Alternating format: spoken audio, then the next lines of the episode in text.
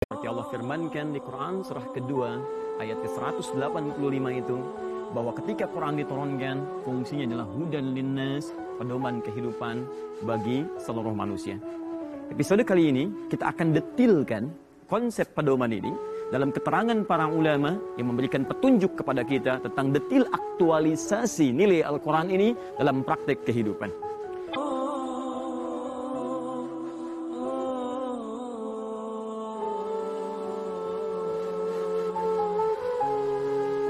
Saya punya Bible dari mulai Barnabas sampai dengan turunan sekarang. Saya punya Talmud bahkan dari versi bahasa Arabnya. Juga beberapa kitab yang lainnya.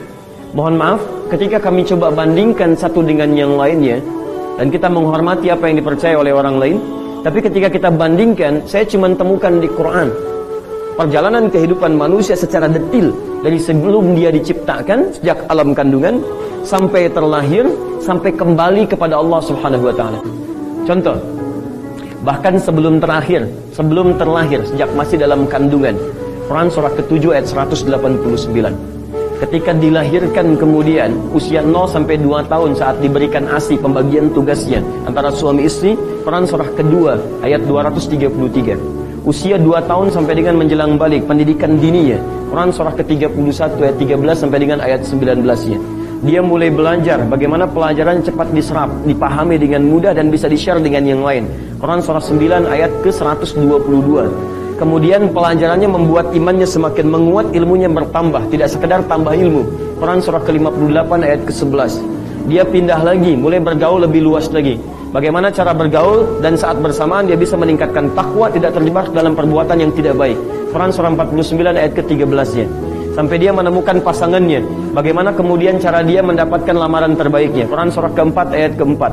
Terjadi pernikahan Quran surah ke-30 ayat ke-21 setelah menikah bagaimana membagi tugasnya supaya antara tugas suami dengan istri berjalan secara proporsional dan baik. Quran surah keempat ayat 34. Suami mulai mencari nafkah, menjawantahkan tugas di Quran surah 4 ayat 34. Bagaimana cara mencari nafkah yang standar? Standar Quran surah kedua ayat 168. Kalau Anda ingin bergerak rezekinya datang cepat Quran surah kedua ayat 172. Kalau Anda belum bergerak rezekinya sudah dibuka oleh Allah Quran surah ketujuh ayat 96 ya.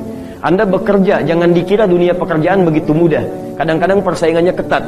Ada yang cemburu pada Anda, ingin menyingkirkan, bahkan menyungkurkan. Bagaimana mengatasinya? Amalan standar Quran Surat 17, ayat ke-79 sampai dengan 81. Kalau masalahnya begitu pelik, kadang-kadang membuat kita gelap mata, susah melangkah. Jangan khawatir, ada tuntunan di Quran surah ke-21 ayat 87 sampai dengan 88. Anda bekerja di luar, istri Anda merawat anak di rumah. Jangan dikira persoalan itu mudah. Kadang-kadang lebih berat dibandingkan dengan antum yang bekerja di luar.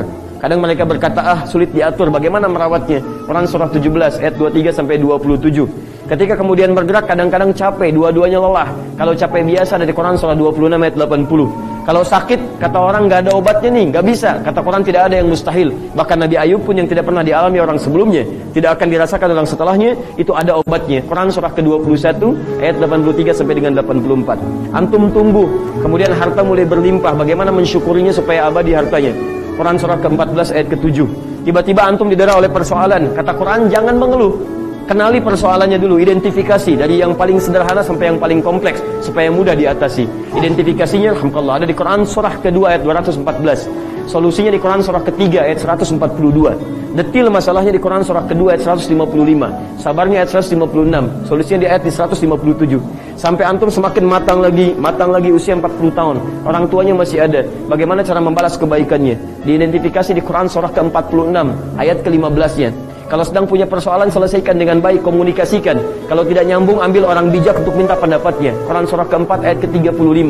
Setelah itu tempuh perjalanan dalam kebaikan. Sampai antum terus dewasa, saya sedikit lompat. Jangan dikira antum akan abadi dalam kehidupan. Antum akan kembali kepada masa awal seperti anak-anak yang mulai lupa. Kadang-kadang tidak ingat dengan sesuatu. Quran surah ke-22 ayat ke-5-nya.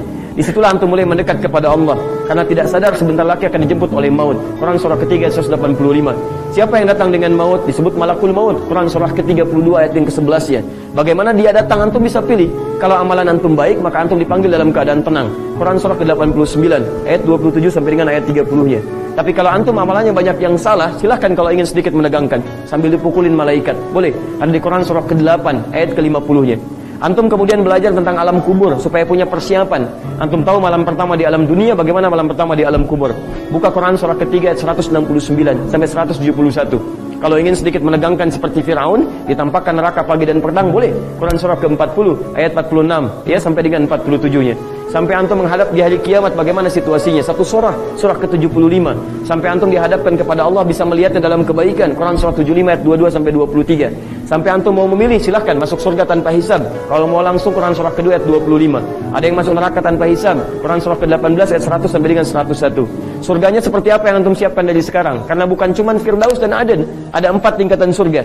Level pertama bersama Nabi dan orang-orang soleh. Quran surah keempat ayat 69. Level kedua taman surga. Quran surah 51 ayat 15 sampai 23. Level ketiga seluas langit dan bumi. Quran surah ketiga ayat 133 sampai 134 sampai level biasanya Quran surah kedua ayat ke-25 neraka juga begitu level paling dahsyat neraka jahanam untuk orang munafik dengan orang kafir Quran surah keempat ayat ke-140 Level yang biasanya Quran surah keempat ayat 56. Kalau mau coba silahkan. Sekali dicelupin hampir semua, hancur semuanya. Bukan cuma kulitnya, semua tulang, semua sedahsyatnya. Satu harinya seribu tahun, satu detiknya 48 hari. Teman-teman, semua urusan kehidupan kita dari mulai kita sebelum lahir sampai dengan meninggal menghadap pada Allah Subhanahu wa taala semuanya ada. Perhatikan, syahr Ramadan alladzi unzila fihi al-Qur'an. Di bulan Ramadan turunlah diturunkan Al-Qur'an. Apa yang menarik dari kalimat ini? Hudan. Hudan linnas. Ternyata isi Quran itu itu adalah petunjuk kehidupan bagi seluruh manusia tanpa batas. Di dalam Quran dari Al-Fatihah sampai dengan An-Nas itu isinya berupa seluruh petunjuk kehidupan bagi manusia. Bila dikorelasikan dengan ayat-ayat tadi, Allah memberikan potensi kepada kita, ada nilai-nilai pengetahuan di dalamnya, maka pengetahuan itu kalau ingin diaktifkan, maka jadikanlah kemudian Al-Quran sebagai acuan. Anda bisa menjadikan Al-Quran sebagai acuan, menggali dari situ pola pengetahuan, diterapkan dalam kehidupan, maka Allah jamin apa pun yang Anda kerjakan, mau ibadah, ritual, sosial, yang lainnya, hidup Anda akan tenang, akan senang.